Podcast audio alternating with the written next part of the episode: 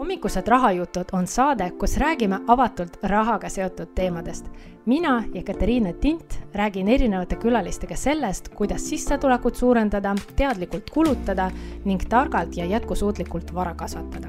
mõnede külalistega on meil ka kinnine osa, mis avalikku saatesse ei jõua ja kus osalejad saavad külalistele ka küsimusi esitada saates laivis osalemiseks registreeri ennast moneysmarterme.eu kaldkriips hommikused rahajutud täna hea meel tegelikult tutvustada üht naist, kes just jagas seda, et ta hommikul juba jõudis mingi rekordi teha. nagu vau wow, Liisi on tegelikult äh, imeline, tal on juba kolm last, tal on juba kaks raamatut äh,, tal on kuuekohaline portfell, et äh, ta on kui te ei ole veel näinud ma kuulan alati Liisi on siit konverentsil, seal konverentsil, et nagu noh, ma lihtsalt olen Liisit nagu nii kaua juba jälginud, et äh, mõtlesin, et ma tahaks sinuga vestelda ja ma tahaks küsida sinu käest esimese küsimuse. Liisi, kuidas sa nagu jõuad?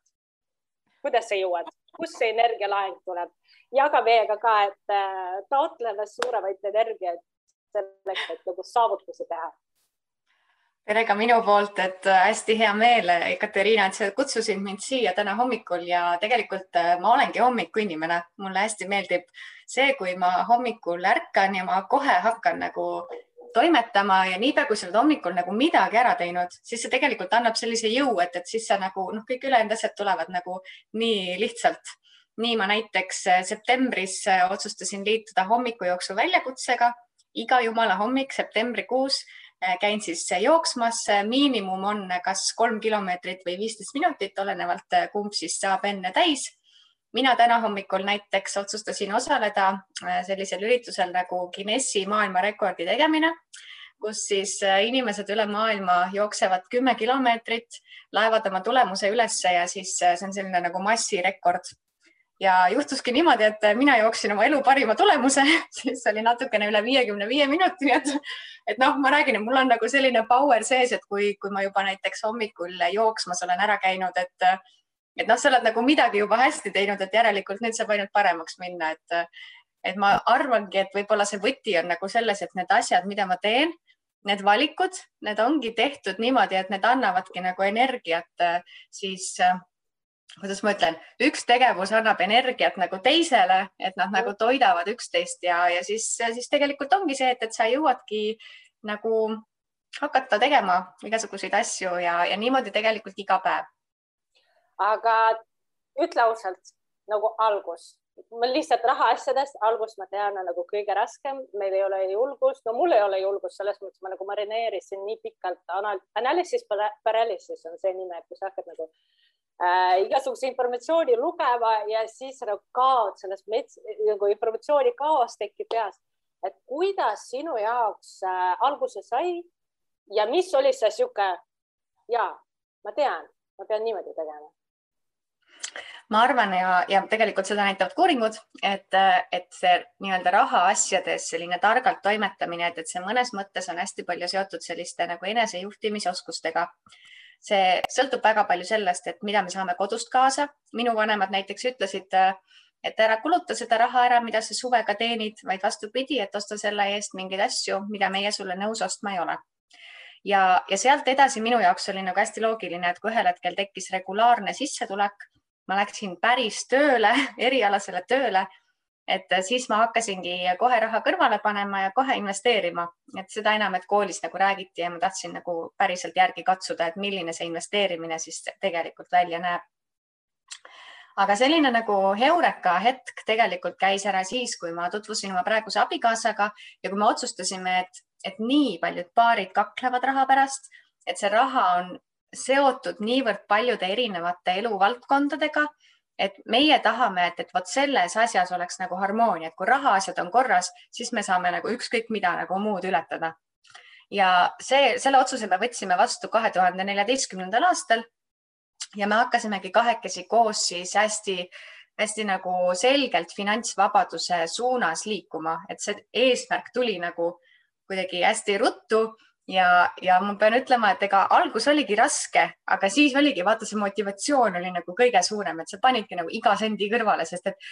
nii tahtsid nagu investeerida ja isegi kui sinul nagu tuli väike mõte, et see kuu ei viitsi, juulikuu, päike on väljas, suvi, tahaks minna randa, üldse mingite rahaasjade peale nagu mõelda, siis ma teadsin, et ma ei saa öelda seda, sest et mul mees ütleb kohe, et ei, stopp, meil on finantsvabadus, meil on eesmärk, et davai, et, et me teeme selle ära. ja tegelikult me leidsimegi need viisid, kuidas siis saavutada seda eesmärki, mida me nii väga tahtsime ja samal ajal tegelikult meie, me ei tundnud, et me kuidagi nagu piirame või, või kuidagi nagu paneme kätt ette, et me nüüd ei tee neid asju, mida me peaksime tegema, kahekümne viie aastased noored inimesed. tegime kõike, mida me tahtsime ja samal ajal me siis tegelikult püüdlesime selle finantsvabaduse poole, et, et see oligi nagu hästi kokku pakitud selline ja, tore ja. ja Katariina, sa oled mute'i peal. Mute kuidas ma saan müti peal olla, mul tekib nii palju küsimusi, ma juba panin endale kirja, et äh, number üks on see, kui sul on keegi, kellega sa saad seda teekonda jagada. ma selle kohta mhm. tahaks küsida, et kas su abikaasa siis oli kohe nagu samal meelel või sa pidid teda kuidagi nagu tutvustama seda ideed? ja teist küsimust ma jätan meelde, et sa ütlesid, et sul on juba nagu viisid, kuidas to have it all põhimõtteliselt, et ma saan nagu kõike mm, -hmm. selle kohta ma kindlasti ka küsin, aga enne selle esimese küsimuse osas? Eh, no sellega läks tegelikult nii, et mina alustasin investeerimisega kahe tuhande kümnendal aastal ja sellise rahaasjade juhtimisega tegelikult ka. ja selleks hetkeks, kui me siis abikaasaga hakkasime kokku kolima, tema ei olnud veel astunud oma esimesi samme. ja, ja tema selline üks nii-öelda väike tõuge võib-olla sellel teel oligi see, et, et täitsa juhuslikult me läksime Terminaatori kontserdile ja mina hakkasin rääkima, et, et mul on Apple'i aktsiad ja siis kogu seltskond vaatas, et oota, mida, mis asjad sul on, et sul pole Apple'i telefoni, Apple'i arvutit või Apple'i mingit äh, tab'i onju. sul on Apple'i aktsiad ja sealt tegelikult äh, ma nägin, et, et kuidas noh, nagu vaata silmavaade nagu muutub, onju. Äh, sinul on, mina tahan ka. ja siis peale seda oligi niimoodi, et, et me kolisime kokku ja see summa, mida tema maksis enne siis korteri eh, üüri eest, selle summa ta siis kohe kandis teisele kontole, ta hakkas kohe nagu peale. ta tegi kohe oma mingeid ämbreid. ma mäletan siiamaani seda hasarti nagu, tead, Liisi, ma tegin selle tehingu, tead, ma sain selle aktsia, oh, nii lahe ja et, et kuidas see oli nagu nii põnev ja kogu see analüüsimine, mis sinna juurde käis, et, et noh see oli nagu minu jaoks nagu ka hämmastav, et, et minul võib-olla see ind nagu vahepeal selleks hetkeks oli hakanud raugema, aga tema see nagu uus energia, et noh, kahekesi koos on lihtsalt nii palju kergem. ja ma selles mõttes ma ütlen, et minu kogemus ütleb ka seda, et kui ma võtsin äh, oma abikaasad kõrvale või põhimõtteliselt ma pidin temale seda eesmärki maha müüma see ei olnud nagu kerge protsess, et ka, kahjuks ta ei läinud niimoodi, et oo oh, jaa, ma tahan ka aktsiat, et selles mõttes ei, nagu mõtleme läbi rahulikult, äh, mis see risk on, mis sa toodad, me nagu, me oleme sellised nagu classical äh, lähenemine selle investeerimisega, me oleme nagu seda teekonda niimoodi alustanud. aga siis, kui äh, esiteks sa ütlesid väga hästi, et jagad informatsiooni, et kuule, mul on nagu siuksed aktsiad või ma jagasin, hakkasin jagama ka. et vaata, mul on selline nagu intressid tulevad. Merko maksis mulle dividendid, noh siis hakkavad mõtted jooksma, et kuule nii ongi, et nii asi käibki. ja mhm. teine mm -hmm. inimene on see, kes saab sulle sisuliselt olla selles nagu vastutuspartneriks, on ju. ei Absoluutselt. just. aga, aga see võib, see võib täiesti ka nii minna, et, et mina ise tean nagu oma tutvusringkonnast ka neid näiteid, et üks pool on nagu nii in ja teine teeb nii maha ja ütlebki niimoodi, et sa ostsid aktsiaid, sa kulutasid nüüd kolmsada eurot ära ja, ja ei saagi aru ja, ja nii ongi. Ja see tegelikult nii pidurdab ja see hoiab nii palju hoogu tagasi, et, et kui ei ole nagu kaasa, ei tule kaasa, noh, teinekord lihtsalt juhtub nii, et, et partnerid lihtsalt üldse ei huvita, siis sa pead ja. leidma nagu kellegi teise, kellega koos sa saad teha, sest et üksinda, noh, mul on nii hea näide, et, et seesama hommikujooksud on ju, mida igal hommikul septembris teen esimene september oli mega ilus ilm, väga soe oli, kõik oli väga fine, mul oli vaba päev, sest et mu laps läks kooli, saatsid lapse ära, kõik oli väga tore, käisid jooksmas, väga mõnus on ju, power'it kui palju. teine september oli ka ilus ilm ja nii edasi, paar päeva nagu noh, kõik need teised inimesed ju ka postitavad seal grupis, et vaata, mina käisin ka ja aa, ma tegin täna pikemalt, tegin viis kilti, ma tegin kuus, oh tore on ju. Ja siis ühel hetkel tuleb nagu see hommik, kui väljas sajab paduvihma, sa kuuled, kuidas see tuul ulub, kuidas igal lapsel on midagi kadunud, mingi probleem, kellel on pats tegemata, kellel on mingid kooliasjad kusagil. noh, e, nagu terve elu nagu loobib kaikaid kodaratesse, et sa ei saa minna, ei, ei ole võimalik, Liisi, täna hommikul jääb su hommikujooks lihtsalt tegemata. Ja vot need hetked tulevad ette ka sellel nagu rahaasjade juhtimise teekonnal, et minu meelest seal on nagu nii palju paralleele. see raske hetk tuleb, igal juhul tuleb, see vastik ilm ühel hetkel jõuab kohale, et isegi siis, kui sul nagu täiega veab ja kaks nädalat nagu ühtegi sellist vihmast hommikut ei ole, aga see ühel hetkel tuleb ja sa pead nendest rasketest hetkedest üle saama mm. -hmm. ma olen sinuga täiesti päri, et siis, kui sul on teine inimene kõrvas, siis sa ei olegi üksi aga mida teha, kui näiteks abikaasa noh, ei olegi in, et kui ta ütleb, et ei taha või nagu mõttetu, mida, mida mm. siis teha? mina arvan, et, et väga hästi tegelikult töötab see praktiline lähenemine, et, et okei okay,, et ära tule kaasa, aga mina teen, mina teen hästi natukese haaval, no kui ei tulegi nagu mitte midagi muud välja, siis ma panen kakskümmend viis eurot kasvukontole ja, ja ma vaatangi või, või nagu sinul on Jekateriina, see kümme eurot nädalas portfell imehea näide, see on nagu nii väike summa, et ma ei märka, et kui ma seda ei kuluta. ja, ja ma näitan talle ja ma aeg-ajalt räägin, et näe, vaata, et, et mis mul siin nagu toimub, on ju, võingi rääkida, et täna oli kehv päev, täna näe, vaata, punases on nagu kõik kukkus, aga vaata nüüd järgmine päev, nüüd on jälle rohelises, vaata kui tore on ju. ja ma vaikselt niimoodi räägin, et ma arvan, et selline mõnes mõttes nagu tilk tilga haaval meetod, et tegelikult ühel hetkel teda hakkab huvitama, et, et miks sa ikka veel selle juures oled, et see ei ole nagu niisugune moeröögatus, et ma korraks tegelen ja siis ma nagu unustan ära. vastupidi, et ma nagu järjepidevalt ikkagi või järjekindlalt, vah, see on isegi parem sõna, järjekindlalt nagu tegelen sellega ja siis teda hakkab huvitama. isegi kui ei hakka, siis võib-olla teda hakkab huvitama siis, kui ma näitan, et vaata nüüd, et mu dividendid on saavutanud sellise taseme, et ma suudaksin näiteks ära katta eh, meie pere ühe kuu toidukulud nii et niimoodi selliste nagu käega katsutavate tulemitena ma arvan, et ei saa olla mitte ühtegi inimest, kes nagu lõpuks ütleks, et ei, mind üldse ei huvita, et me saame kõik kulud nagu kaetud passiivsest, aga et ei, mind ei, mind ei huvita see asi. no ei ole ju niimoodi. et noh, mida me ju kõik tegelikult taotleme ja mida me sellest nagu rahaasjade juhtimisest tahame, on see, et me saaksime ise rohkem otsustada oma ajakasutuse üle, oma energiakasutuse üle ja see, ma arvan, olid sinu poolt nagu täiesti kuldsed sõnad, et äh, raha ei ole eesmärk omaette, et äh, ma pean tunnistama, mul alguses, kui ma üldse nagu selle investeerimisega mõtlesin, et jah, et ma pühendan aega, et sellega tegeleda, siis üks takistus, mis minu sees oli see, et nagu ähm,, nagu raha ei loo väärtust, vaata, raha ei loo väärtust. Ja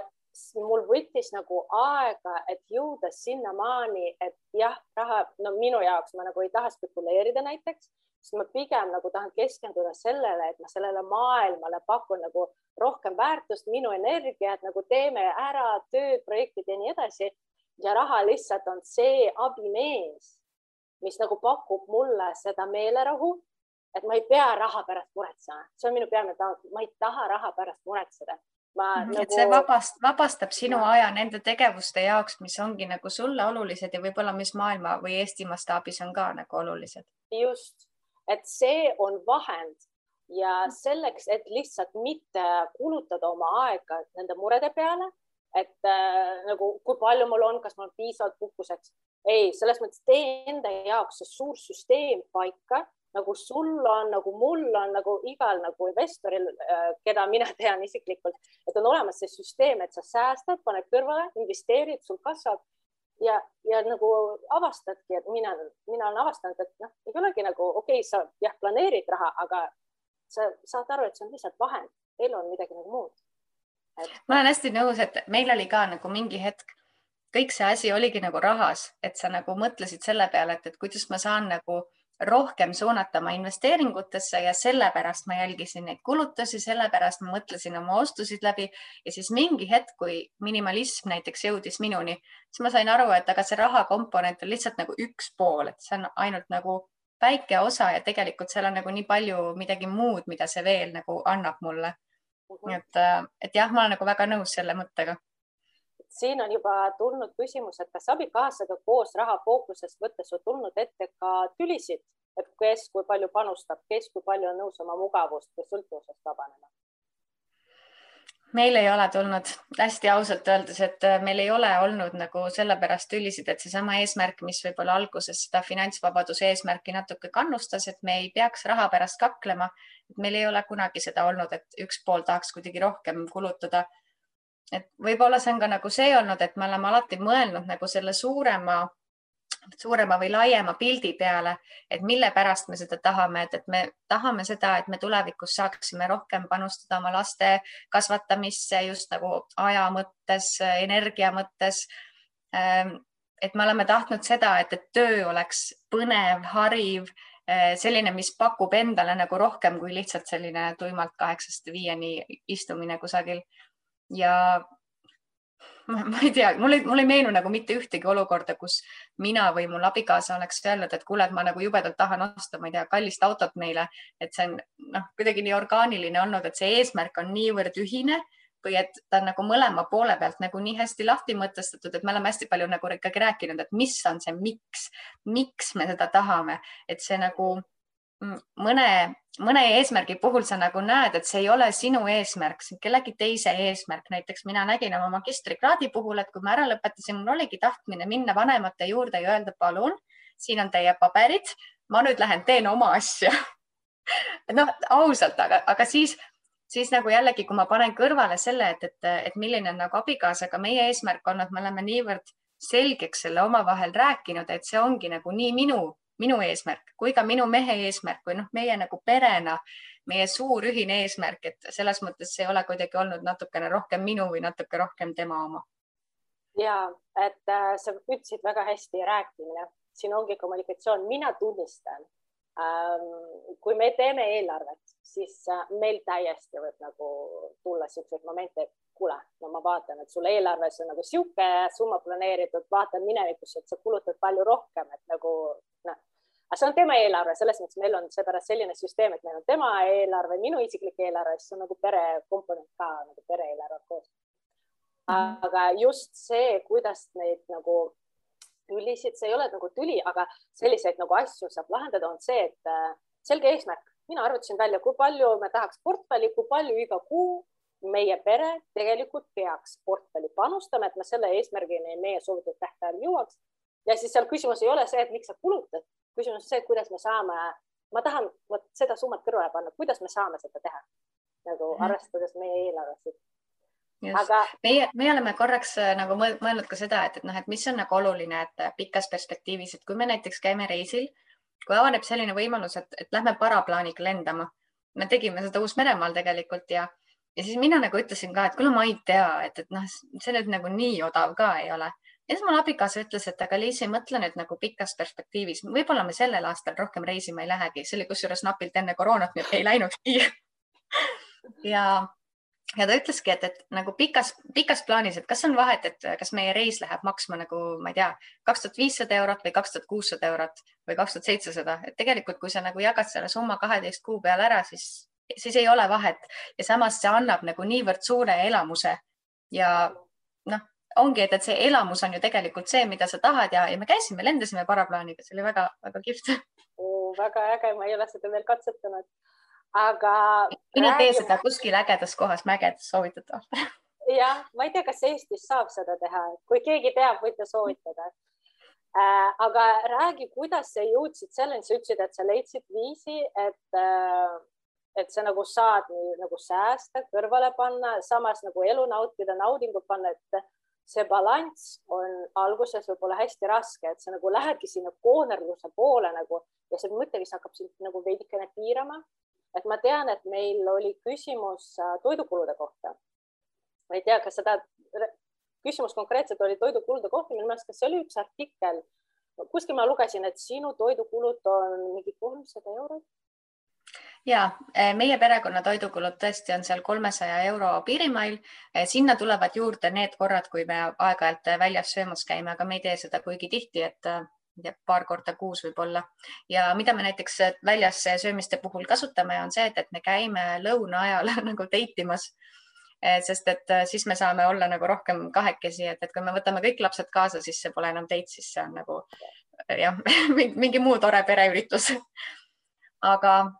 aga jah, et, et ma olen nagu mõnes mõttes, mina pole nagu kunagi tundnud, et, et me oleksime nagu ennast nagu hullult piiranud ja ma arvan, et, et siin on nagu hästi oluline roll ka sellel, kuidas me oleme oma hobisid valinud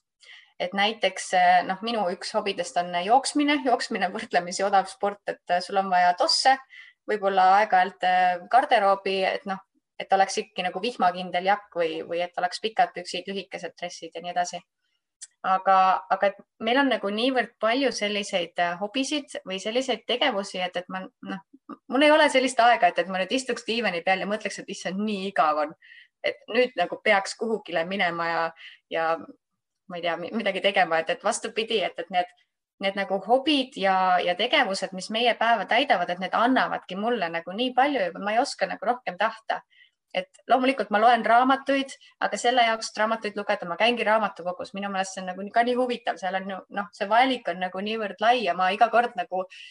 tulen sealt tagasi viie raamatuga ja siis avastan, et aga mul on ainult kolm nädalat nende viie raamatu jaoks, et, et ma, ma ei jõua. et see nagu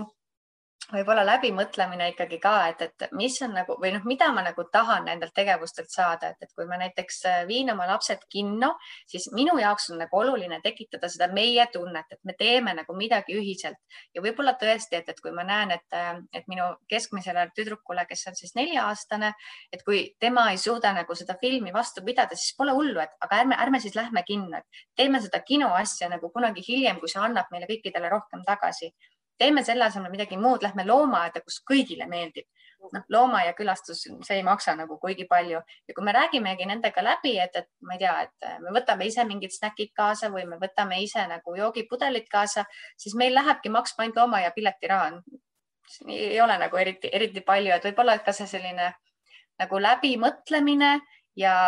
ja ka selle nagu leidmine, et mis on see, mida ma tahan nendelt tegevustelt saada, et muidugi ma võin valida nagu väga kallid meelelahutused ja sealt ka saada ägedaid emotsioone, aga ma võin nagu selle asemel mõelda ka, et, et noh, neid häid emotsioone ma saan täpselt samamoodi mingitelt asjadelt, mis ei ole üldse nii kallid. aga räägi, kas sa pidid mingeid muutusi oma elustiilis või harjumustes tegema, et meelega nagu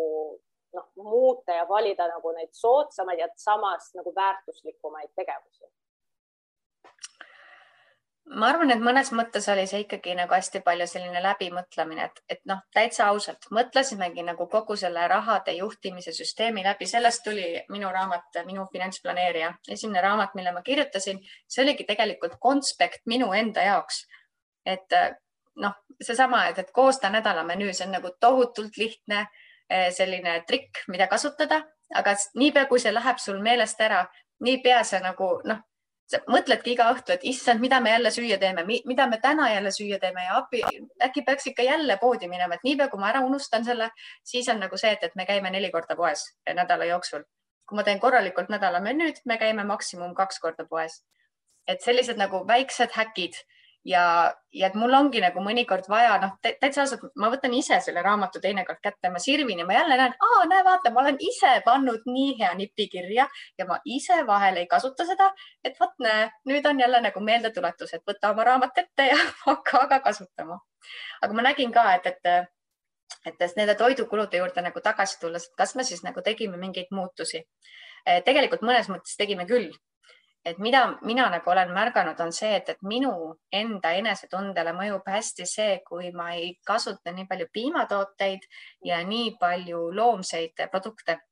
ehk et äh, kui me aeg-ajalt, me ei ole taimetoitlased, nagu kindlasti mitte, et äh, me aeg-ajalt sööme liha, aga kui ma aeg-ajalt teen nagu neid päevi ka, kus me söömegi ainult taimetoitu, me, me sööme kikerherneid või oakotlette või äh, me teeme tofust igasuguseid asju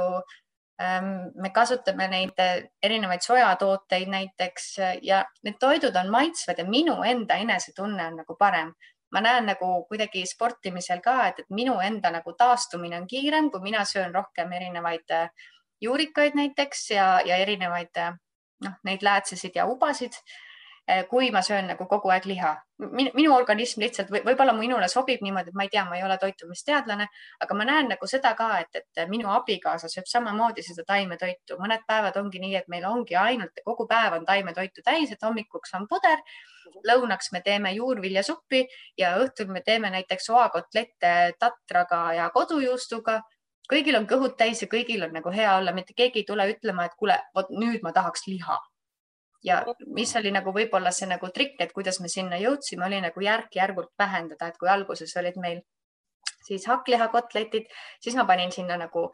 mitte terve paki, vaid pool pakki ja noh, niimoodi nagu samm-sammu haaval nagu vaikselt vähendasin ja nüüd ma näen, et tegelikult see nagu töötab väga hästi. aga see üldse ei tähenda seda, et me vahepeal liha ei söö, et grilli peal ikka me teeme ja kala me kindlasti sööme ka palju.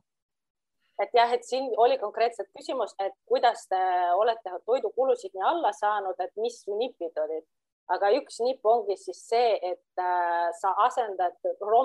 rohkem paned seda nagu taimset komponenti sisse, on ju äh,. kas on sul mõni veel nippid jagada teistega, sest äh, mina olen näiteks noh, meil on olnud siin lõppes just rahas ja fookuses väljakutse, kus kakskümmend päeva me tegelesime sellega, et kontrolli enda kulusid nagu võtta teadlikult hakka kulutama, suurendada tulusid, hakka pensionifondidesse investeerima varsti väljakutse kordub ka, aga selle väljakutse nagu üks asi, mis ma arvan, tuli tüdrukud, kes siin vaatavad väljakutsest, te võite meid parandama, aga nagu peamine asi oli see, et toidukuludest tuleb nagu peamine sääst. Äh, ja see on nagu ka minu pere jaoks kõige suurem nagu väljakutse või kõige suurem koht, kus ma näen, et mõnikord on nagu sisse tulnud neid kulutusi, mida oleks võinud tegelikult mitte teha ja noh, võiks ka nagu jõuda teie eelarveni ja me oleme nagu sealt suht nagu kaugel veel. et äh, ma arvan, et sina võiksid mind ka õpetada, et kuidas, äh, kuidas ikkagi nagu jõuda läbimõeldud selleks, et ma ei anna ka kvaliteedi, toidu kvaliteedis ka nagu liiga palju taha alla anda. Äh, et kuidas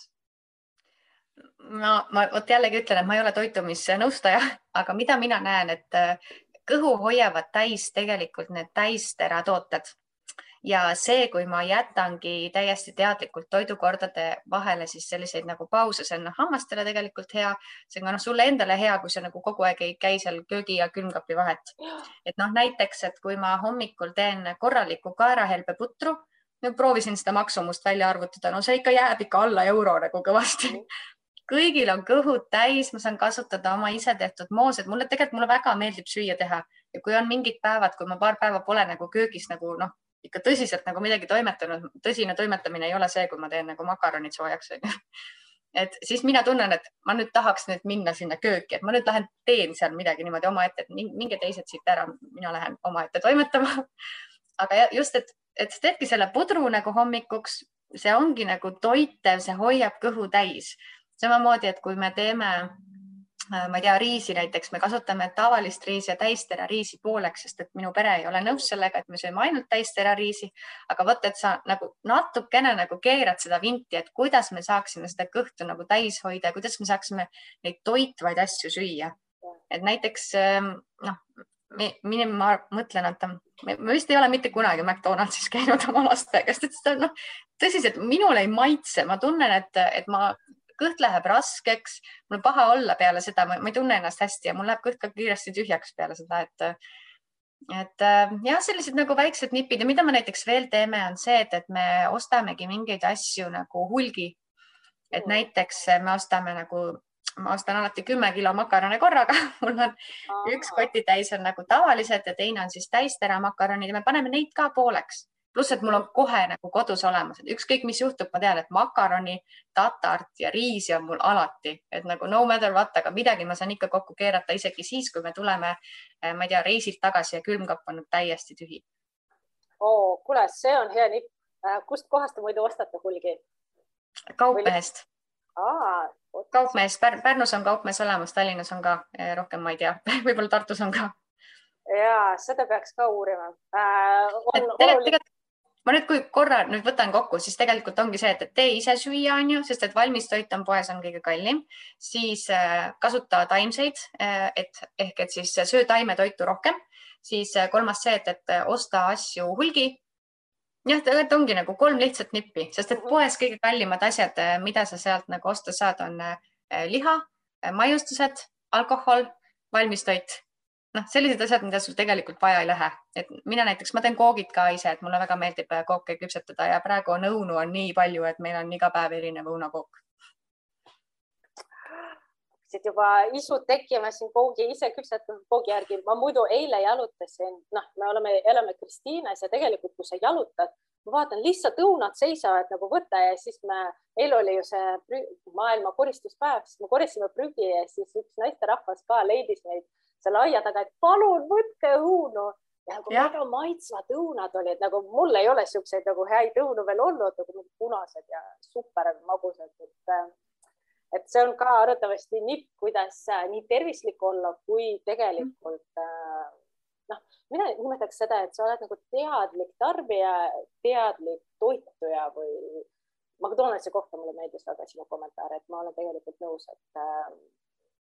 kogemus on sarnane. see, see nagu, see mõjutab tegelikult ju mitut eluvaldkonda, et ma ise tunnen ennast paremini, mul on rohkem energiat, et tegeleda kõikide asjadega, millega ma tegeleda tahan. see on mu rahakotile hea, see on mu laste tervisele hea, et võib-olla see on isegi nagu kõige olulisem, et ma tahan ju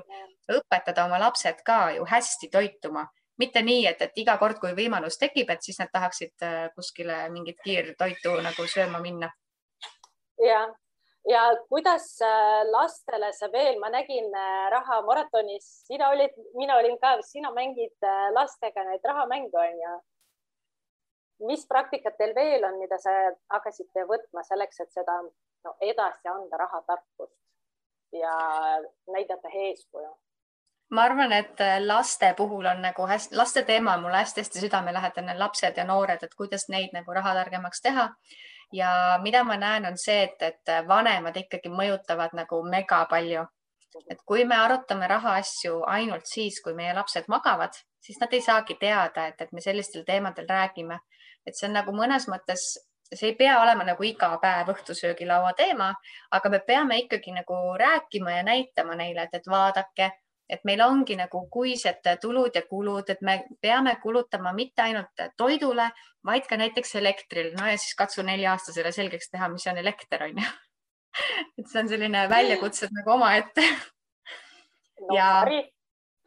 ja, ja absoluutselt, see, on iseendale nagu ka hariv, et see on see, et, et kui sa tahad nagu millestki hästi aru saada, siis mine ja katsu nagu nelja-aastasele seda selgitada, et ko kohe saad nagu pihta, kus sul nagu teadmistes augud on aga, aga jah, et me nagu räägime neile ja me, ja me seletame ja me toome nagu ka neid nagu võrdlusi, et, et vaata, et kui me lähme perega spaasse, siis me ei saa nagu sama raha kasutada selle jaoks, et minna näiteks Lottemaale et need on nagu need võrdlused, mis nende jaoks on nagu arusaadavad, et okei okay,, et me ei saa nagu mõlemat, me võib-olla peame nagu valima, et, et kumba asja me siis teeme. me kaasame neid näiteks ka selles mõttes investeerimise juurde, et kui me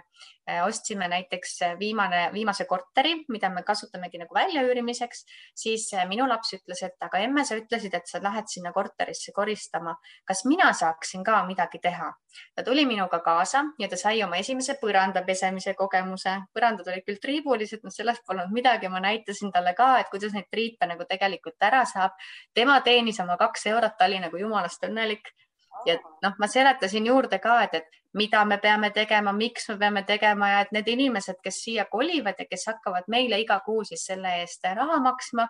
et nemad tahavad, et neil oleks nagu ilus ja mõnus kodu, et, et noh, nii nagu meil on kodu on nagu selline tore ja hea koht, kus olla, siis nemad tahavad samamoodi sellist nagu puhast ja, ja valgusküllast ja sellist mõnusat kohta.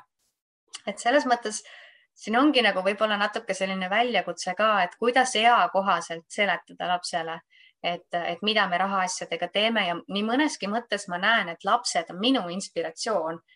et seesama, et kui ma alguses ei saanud oma abikaasale öelda, et kuule, et viskame püssi põõsasse, lähme spaasse, nii nagu kõik teised inimesed teevad, et, et suvase raha kogumine ja investeerimine ja mingi finantsvabaduse eesmärk, siis nüüd ma ei saa seda teha sellepärast, et et no kuidas ma siis oma lastele nüüd näitan, et kui me hakkaksime tõesti iga nädalavahetus spaas käima, siis noh, nendel tekib ju see arusaam, et aga see ongi normaalne. samamoodi nagu kõik need tervislikud, tervisliku toitumise harjumused või liikumisharjumused. kui ma viiksin iga hommik oma last autoga kooli, siis temal tekib see nagu seos, et aa, et aga see ongi normaalne, ma ei peagi ise nagu kooli jalutama näiteks ja sellepärast ma ei ole nagu ka seda teinud, kui vähegi võimalust on olnud. Et ikkagi nagu see eeskujuks olemine, et lapsed õpivad selle pealt, mida nad näevad, mitte selle pealt, mida me neile räägime, vaid ikkagi seesama, et, et mida ma ees teen, siis tema tegelikult teeb ju kohe järgi ja noh, kõik see rahaasjade jälgimine või pensionifondid või äh, ma ei tea, laenutoodete omavaheline võrdlemine, see kõik on see, mida lapsed näevad, kas mu vanemad teevad või mu vanemad ei tee. Ja kui mina teen ees hästi, siis ma tean, et ma annan tegelikult neid häid harjumusi edasi ka järgmisele põlvkonnale uh. -huh. aga sa ütlesid vanemad, et äh, kohe kahekesi kõrval või kas teil on jagatud abikaasaga, et kes nagu valdab mingit teemat või kuidas te olete tegevusi jaganud, kas, kas olete? ei, meil nüüd listi nüüd ei ole, et, et sina räägid elektrist ja mina räägin vee tarbimisest nii päris ei ole. aga et... investeerimis, investeerimisportfelli puhul ka nagu noh, see finantsvaldkond, mida peres tuleb üle vaadata ja millega tegeleda, see on ka lai. kas teil seal on kuidagi rollid jaganud või? Äh, seal on ikkagi see, et, et mis on nagu rohkem minu valdkond ja mis on tema valdkond, et näiteks äh, nüüd viimased paar aastat me oleme rohkem investeerinud äh, sellistesse noortesse alustavatesse ettevõtetesse ja, ja nende puhul on nagu teada, et, et minu tugev külg on näiteks haridus, ma tunnen väga hästi Eesti haridusmaastikku, sest et ma tööalaselt puutun sellega väga palju kokku. ma pean aru saama, millest lähtub üks keskmine kooliõpetaja ja miks tema jaoks ei ole nagu võib-olla kõige mugavam võtta neid rahatarkuse teemasid, mida mina väga-väga tahaksin, et nemad räägiksid. selle jaoks ma olen ennast sinna valdkonda sisse söönud. ma tean, kuidas see kõik toimib ja kui tuleb mõni selline startup, kes ütleb, et nad kavatsevad nüüd Eesti haridusmaastikku nagu täiesti teistpidi pöörata, siis mina oskan nagu näha, et kas need nagu nende poolt välja toodud detailid, kas need on päriselt nagu pädevad või on seal nagu juba mingeid ebakõlasid sees. Minu abikaasa teisest küljest, tema tegeleb siis, ta on Alexelas analüütik, tema tegeleb selliste energiateemadega, aga ka väga palju andmeanalüüsiga. Ehk et tema tunneb seda valdkonda nagu ülihästi ja me saamegi nagu vaadata, et kui näiteks minule tundub, et mõni ettevõte on nagu jube äge ja vaata, et me võiksime siia investeerida, siis me arutamegi koos läbi ja tema võib-olla näeb mingit nüanssi, mida mina ei näinud et selles mõttes meil ei ole päris nii, et Liisi tegeleb igal juhul kinnisvaraga ja Mihkel tegeleb igal juhul aktsiatega, vaid et see on ikkagi hästi palju selline nagu ühine otsustamisprotsess, lihtsalt tema näeb nagu oma vaatenurgast ja mina näen oma vaatenurgast. et ähm, ja noh, need sellised võimalused, need võib-olla tulevadki mõned tulevad minu kaudu, mõned tulevad nagu tema kaudu ja siis me tegelikult ikkagi iganädalaselt arutame mingisuguseid võimalusi, et kuule, vaata, et mis sa nagu sellest mõttest arvad ja see nagu võib-olla loob ka selle, selle eelduse, et me nagu pitch ime üksteisele, et vaata, mina arvan, et see on hea sellepärast, et ja teinekord, kui ma ise hakkan mingeid argumente välja tooma, siis ma näen, et aga oota, stopp, et see ei ole piisav. kuule, never mind, et, et ma läksin nagu hoogu, et ma kuidagi läksin mingi emotsiooniga kaasa ja ma tegelikult nüüd enam ei näegi, et see on hea võimalus, et äh, okei okay,, lükkame laualt maha, võtame järgmise idee, mida arutada. aga sa juba mainisid, et teil on aktsiad, teil on siis startup'id on ju, üürikinnisvara, kuidas, mis on teie strateegia kuidas te selleni jõudsite üldse? Ma arvan, et äh, investeerimises äh, kindlasti on oluline see paindlik olemine, sest et sa tegelikult ei tea, millised võimalused sinu laua peale tulevad. ja meie oleme nagu mõelnud niimoodi, et äh, kui me kusagile nagu investeeringu teeme, siis me ei taha teha nagu sellist noh, vahet pole, paneme viissada eurot, sest et kui ma juba teen seda analüüsi, siis ma tahan olla nagu selles investeeringus niivõrd kindel, et ma oleksin nõus panustama sinna näiteks kas ühe protsendi oma portfellist, noh, portfell on juba nagu piisavalt suur ka ja kui meil on nagu hästi-hästi palju selliseid nagu pisikesi investeeringuid, noh näiteks viiesaja euro kaupa, siis meie jaoks tegelikult see aja ja haldamiskulu, kulu see tegelikult on nagu liiga kõrge et sellepärast me oleme pigem nagu mõelnud, et kui see üks protsent portfellist on nagu täidetud, et siis no, ja siis sa ikka veel tahad sinna investeerida, et siis su kõhutunne on õige, et, et siis see on nagu okei. okay aga jah, nagu sa ütlesid, meil on tõesti, äh, ma just äh, lugesin siin kokku ka, et, et seitsekümmend viis protsenti meie portfellist kuulub siis äh, kinnisvara alla ja erinevate aktsiate alla, seal sees on ka igasugused startup'i investeeringud. Ja tegelikult ma vaatangi, et, et kuidas need startup'id on siin väga-väga oluliselt nagu tõusnud, et nad moodustavad juba päris suure osa meie portfellist, et kui selline hea tava on, et startup'i investeeringud võiksid sinna kümne protsendi juurde jääda, siis meil on juba kahekümne protsendi kandis aga teisest küljest on see ka nagu väga teadlik äh, tegevus, et äh, portfell on nagu piisavalt suur, et kui me ka kaotaksime selle kakskümmend protsenti oma portfellist, siis tegelikult ei juhtuks mitte midagi, sest et me mõlemad jätkame töö tegemist, et meil on selline nagu rahavoog tegelikult äh, ka palgatööst on jätkuvalt peal, et kui me tõesti elaksime ainult oma portfellist, mis kataks nagu ka meie kulud kõik ära siis me tegelikult peaksime võib-olla ka seda strateegiat natukene nagu konservatiivsemaks muutma, et ei tekiks selliseid halbu üllatusi. aga lisaks on meil eh, portfellis siis see järele jäänud kakskümmend viis protsenti, seal on veel võlakirju ja seal on veel ka kinnisvara tagatisel antud laenusid ja lisaks on veel siis mingi osa ka sularaha uh. Mhm. -huh aga alguses ma saan aru, et teil no ikkagi me räägime, et sul on tegelikult äh, oluliselt suur portfell ja seepärast sa võid endale lubada neid suurimaid riske võtma, on ju. et äh, mul oli samamoodi, et kui ma alguses, kui portfell oli nagu viiekohaline, noh siis ikkagi nagu väga mõõdukas risk, mõõdukas tootlus, et see oli okei okay. ja siis, kui juba koha, kuuekohaliseks läks, siis nagu jah, noh kuidagi kergema südamega saad, ma alustasin ühest protsendist nende startup idega, et äh, kergema südamega saad nagu suurimaid riske võtta. aga alguses, äh, kuidas te nagu valisite investeeringuid või kuidas nagu tavaline inimene põhimõtteliselt nagu millest alustada, sest nagu startup'id, megapopid, aga kas peaks? ei, kui, kui sa oled alustav investor, siis kindlasti ei ole startup'id või krüptovaluuta see, kus sa nagu peaksid peale hakkama. teisest küljest, kui nagu krüptovaluuta on ainukene, mis sind nagu investeerimise juurde tõmbab, no okei okay,, siis alusta sellest, aga, aga oma portfelli võib-olla sellele mina nagu näiteks ei soovitaks üles ehitada. Eh, mida ma praegu nagu näen, et kui ma täna peaksin nagu nullist peale alustama, siis kõige lihtsam on pensionisambad, ikkagi teine sammas, vaata üle, millises fondis sinu investeeringud on, kas see klapib sellega, mis on sinu nagu ajaline horisont, millal sa pensionile jääd, et kui sul on eh, siis, ma ei tea, pension tulemas viie aasta pärast, siis võib-olla tasuks teha konservatiivsemaid valikuid kui pensionini on aega üle kolmekümne aasta, siis riskantsemaid valikuid. mina näiteks olen pannud oma pensioni, teise pensionisamba siis eh, LHV indeksfondi, kolmas pensionisammas on mul Tuleva indeksfondis. Et need kasvavad koos maailma majandusega, need ei nõua mingit haldust, see on kõik automaatne, et põhimõtteliselt tee ära ja unusta ja sinu portfell lihtsalt kasvab. Ma olen ise mänginud ka selle mõttega, toon esimest korda selle välja, ei ole vist kusagil varem öelnud et tegelikult kolmas, kolmas sammas, see sobib ka selle jaoks, et kui ma tahangi nagu, ma tean, et kümne aasta pärast, siis me tahame osta maja, siis seda kolmandasse sambasse kogungi seda raha niimoodi täiesti nagu järjepidevalt, saan iga aasta tulumaksu tagasi, mida jälle uuesti sinna kolmandasse sambasse investeerida ja siis kümne aasta pärast ma võtangi selle summa välja, et oma siis maja sissemakse ära maksta ja see võimaldab mul näiteks jätta korteri alles minu meelest täiesti nagu mõistlik plaan. loomulikult kolmas sammas on nagu noh, printsiibis on ta mõeldud niimoodi, et, et sa juba hakkad pensionieale lähenema, et sa siis võtad selle välja. Või et, et sa üleüldsegi võtad selle välja ja siis ta paned selle kuhugile edasi kasvama niimoodi, et sul nagu iga kord vabaneb selline väikeste summade kaupa, et muidugi see on mõeldud selle jaoks, aga me saame sedasama instrumenti ära kasutada ka selle jaoks, et tõesti koguda mingeid suuremaid summasid mingite suurte unistuste jaoks kokku et.... aga sealt edasi, jah ma lihtsalt vahekommentaariks, et ma nägin, et LHV hakkas kasvukontot ju ka reklaamima, et nagu kogu oma mingi kodu jaoks kasvukonto mm -hmm. abil.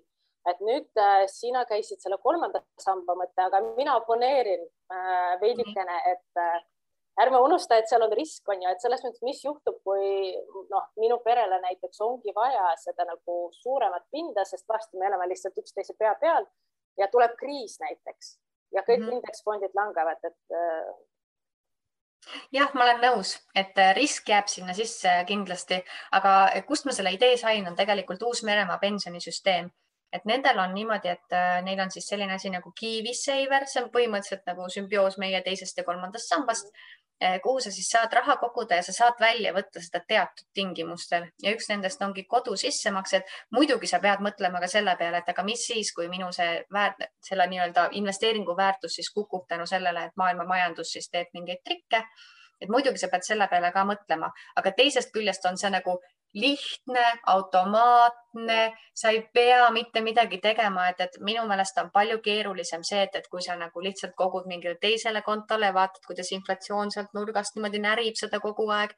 või see, et, et kui sa iga kuu nagu peadki logima sinna internetipanka sisse ja nagu iga kuu teed seda kannet ühelt kontolt teisele või veel hullem, kui sa hoiad nagu ühe konto peal et need on tegelikult nagu lihtsad asjad, see, et, sa teed endale kaks pangakontot, üks on nagu majandamiseks, üks on siis äh, nii-öelda suuremate eesmärkide jaoks kogumiseks, et see on nagu tegelikult nii lihtne asi, mida teha, aga sellest ei räägita nagu piisavalt. Või minu poolest tee nagu viis pangakontot, üks õpetaja kunagi ütles ühel koolitusel, kus me rääkisime rahatarkuse materjalidest, et temal on kuus kontot, ta luges need kontod üles ja kõik teised õpetajad ruumis olid nagu müüdud et noh, see, mis Liisi ütleb sealt nagu tahvli ees on ju, see oli nagu ja, jah, väga tore, mingid mitu kontot, aga kui üks meie seast teeb ka kuus kontot, vau, mis su kontode nimed on, luges kõik üles, kõik õpetajad olid täiega, et oh, kohe lähme internetipanka, kohe teeme kõik oma kontod ära, et nad, nad olid nagu nii kaasa haaratud sellest. et äh, jah, sellised lihtsad asjad nagu tegelikult -hmm. aga su küsimus oli selles, et, et kui ikkagi nüüd alustada, et, et kui sul on teine sammas ja kolmas sammas, kõik on nagu kombes, siis vaata juba rohkem edasi selle peale, et, et mis sulle endale meeldib. meie esimene kogemus üürikinnisvaraga oli see, et, et küll seal oli tulekahju rõdu peal, sest keegi viskas suitsukoni kõrgemalt alla äh, naabritele kogu aeg midagi ei meeldinud. ühel hetkel ma sain aru, et ükskõik, mis selles majas valesti läheb, meie oleme süüdi. nagu alati korter number kuuskümmend kuus, nemad on süüdi. nii et noh, minu jaoks see kogemus oli tohutu halb ja ma mitu aastat ma ei tahtnudki üürikinnisvaraga enam tegeleda. teisest küljest see oli nagu tore vaata, sest et kinnisvaras on käega katsutav, ma saan ise seina värvida,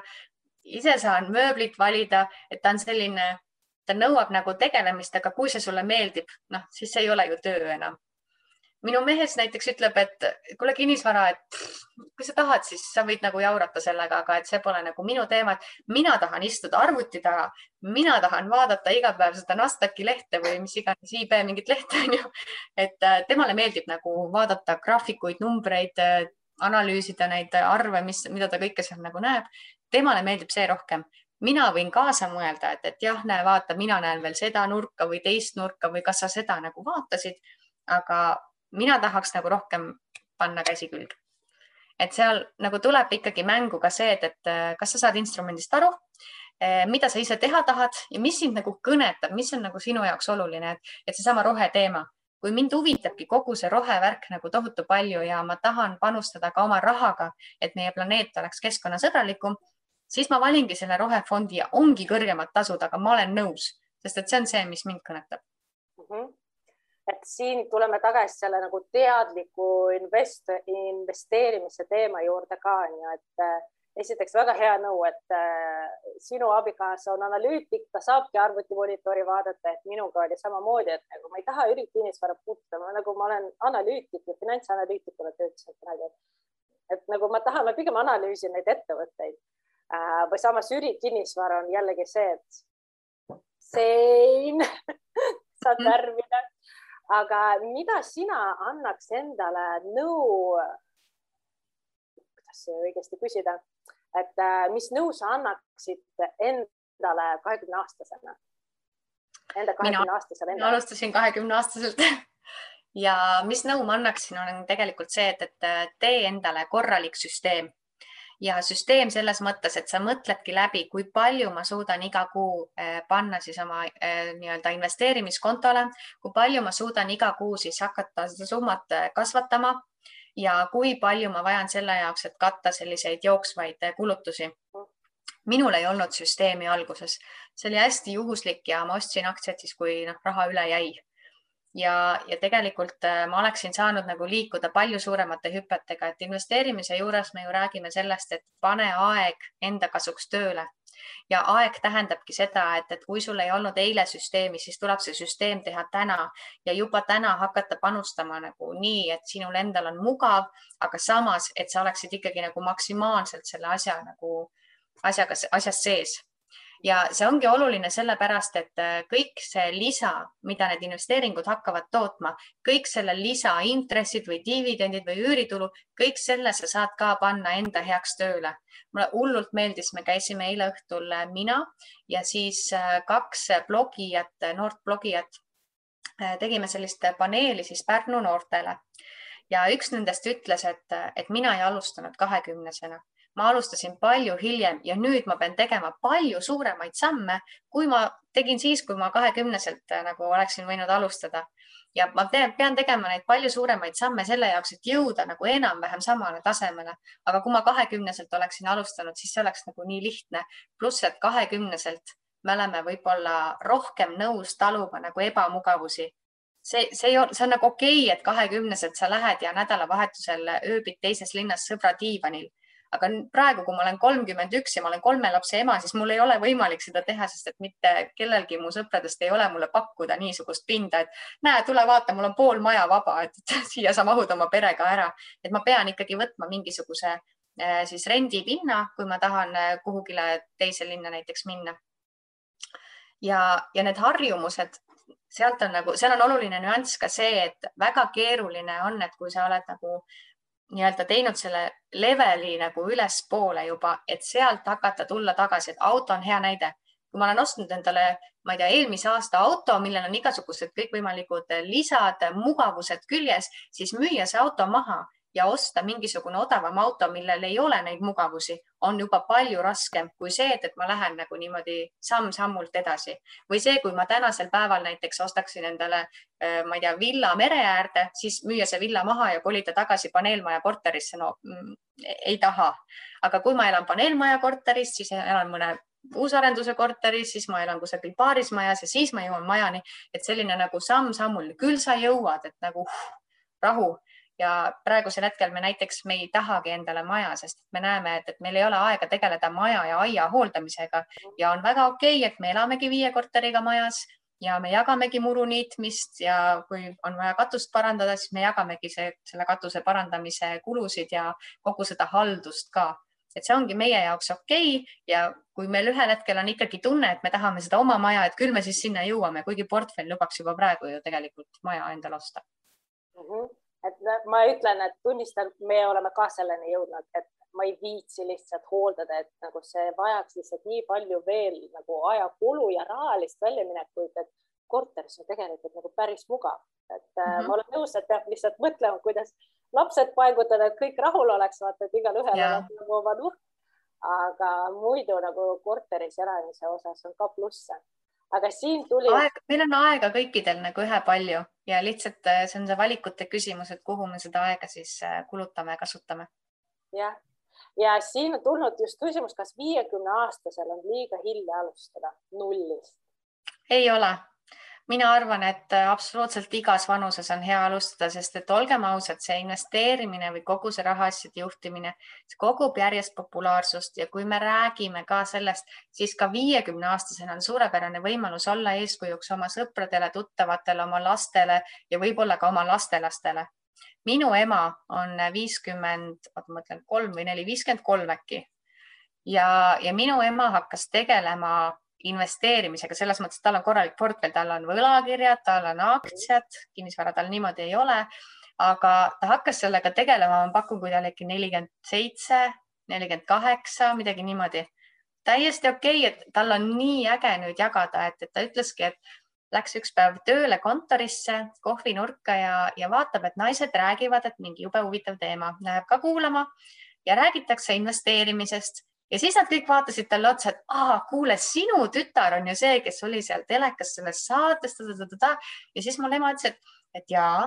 ja Liis investeerib, aga mina investeerin ka ja siis ta keeras selle jutu enda peale ja tead, kui huvitav oli ja siis hakkas tulema, kellel on natukene mingisugust pensionifondi osakuid, kes on aktsiatega kätt proovinud, kellel on mingi korter nooruspõlvest, et tegelikult see on nagu nii põnev ja see on nii huvitav ja mina arvan küll, et viiekümne aastasel on nagu jupp maad veel minna, et, et avastada seda põnevat maailma ja see on nagu ka väljakutse iseendale, et ma õpin jälle midagi uut. ma võtan mõne uue varaklassi, see on, see võib nagu nii põnev olla, et me peamegi võib-olla ise nagu selle investeerimise enda jaoks tegema põnevaks, mitte mõtlema, et see on mingi meeste maailm, mis on mõeldud rikastele inimestele kuskil Wall Streetil, et see on kõigi jaoks, lihtsalt tuleb see nagu enda nüanss üles leida kuule, ma absoluutselt toetan, et äh, ei ole kunagi hilja alustada. meil oli ju ajakirjas isegi kaheksakümne midagi nagu oma, no, kõik on võimalik. aga nüüd vaatan, et meil on peaaegu juba tund aega kuidagi lennanud märkamatult, et me võime Liisi vist sinuga siin jääda väga pikalt, väga pikalt arutama, sest teema on tõesti põnev ja nippe nagu igasuguseid asju jagada noh, ongi hea suhelda teiste inimestega raha investeerimise teemadel. tegelikult ongi hea, sest sa saad ise targemaks, jagad head ideed ja saad motivatsiooni, et muutusteni jõuda. aga ma lubasin, et me teeme seda, et me lubame, kes soovib mikri sisse panna, pange võib-olla alguses chati, et kes soovib ise Liisi käest midagi küsida. siin tuli pikk küsimus ette äh, Mihkli käest, et kas Mihkel, kas sa tahad ise seda äkki lugeda? nii. ei, okei okay., aga küsimus oli selline, et kuidas suhtuda FIRE lähenemisele ehk see on see financial independence retire early, et põhimõtteliselt, et ma ongi finantsvaba ja lähen pensionile, kus ongi eesmärk saada alla ühe miljon portfell kokku et, et neli protsenti väljavõtmismääraga sellest elada kas risk tuleviku ootamatuste eest liiga suur pole, kuna see vajaliku summa arvestus oli vale, siis alla kuuekümne, seitsmekümne aastaselt juba liiga keeruline midagi parandada. ma tooksin siia hoopis selle teise nüansi sisse, et äh, see kõlab nagu hästi mõnusalt, et ma nagu punnitan, pingutan, jõuan sinna välja, et, et äh, mul ongi see portfell, mis lubab mul töölt ära tulla ja jalad seinale visata. aga see oli äh, Wise'i asutajatest, kas äh, Taavet Hindrikus vist, kes ütles, et aga jalad seinale ma võin lüüa iga õhtu. sa tegelikult,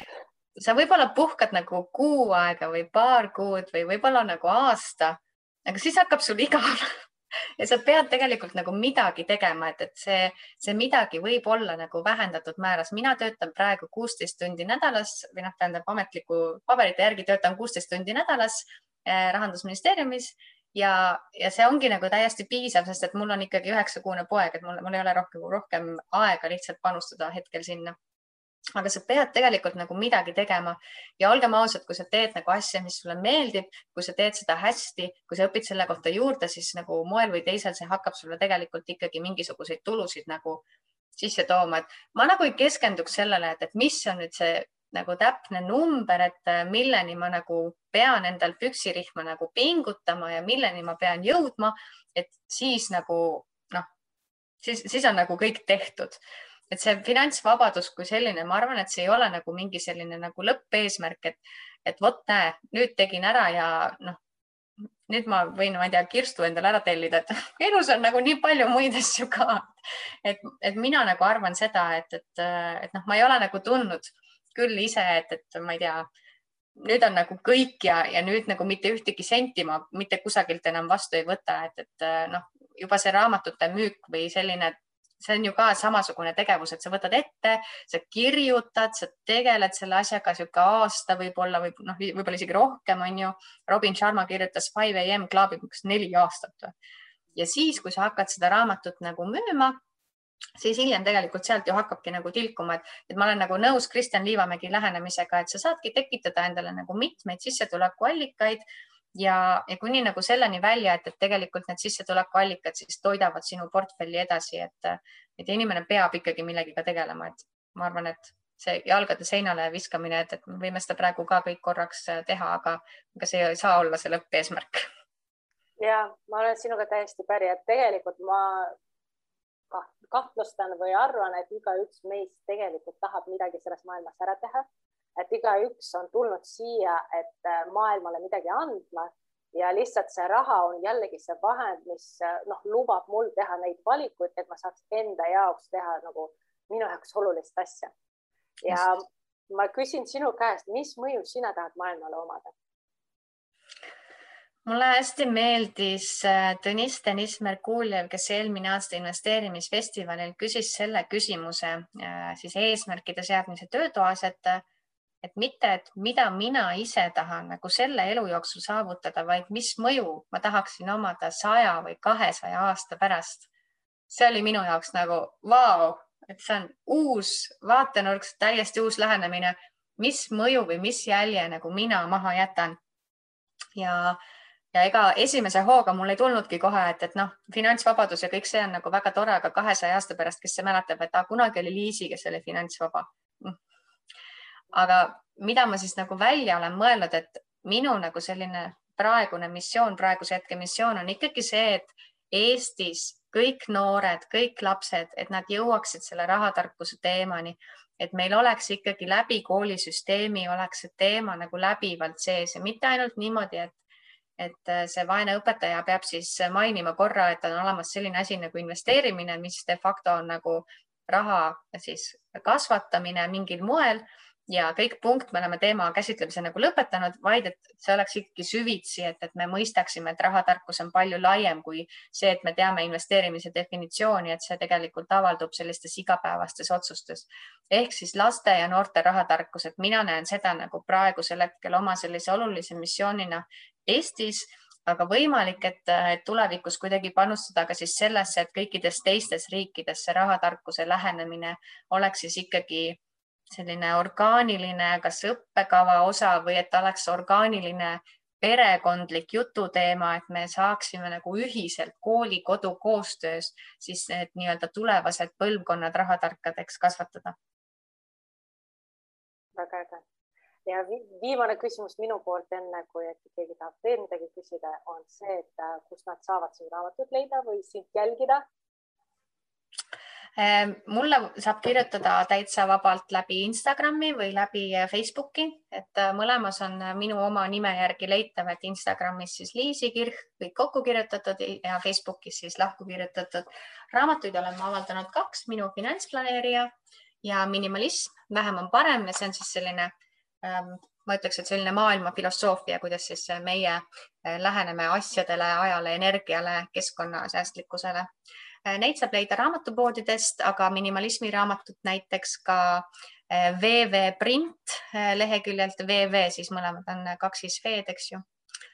ja, ja loomulikult, kui keegi tõesti tahab nagu tellida mingit eritellimust, et vot näe, tahan sõpradele jõulukingitusi teha ja tahan nelja minimalismi raamatut hea hinnaga või, või ka minu finantsplaneerijaid, et siis võib ka mulle otse kirjutada, et kindlasti leiame neid lahendusi. kas autogrammi saab ka või? Ja, ja kui keegi soovib, siis ikka saab. äge. saates me ei anna investeerimissoovitusi ega kutsu sind väärtpaberit ostma ega müüma või muid investeerimistehinguid tegema. küll aga kutsun ma sind üles õppima ja tegema vajalikke samme selleks, et enda rahalist heaolu parandada. kogu saade teabe on informatiivne ning enne investeerimisotsuste langetamist palun tee omapoolne analüüs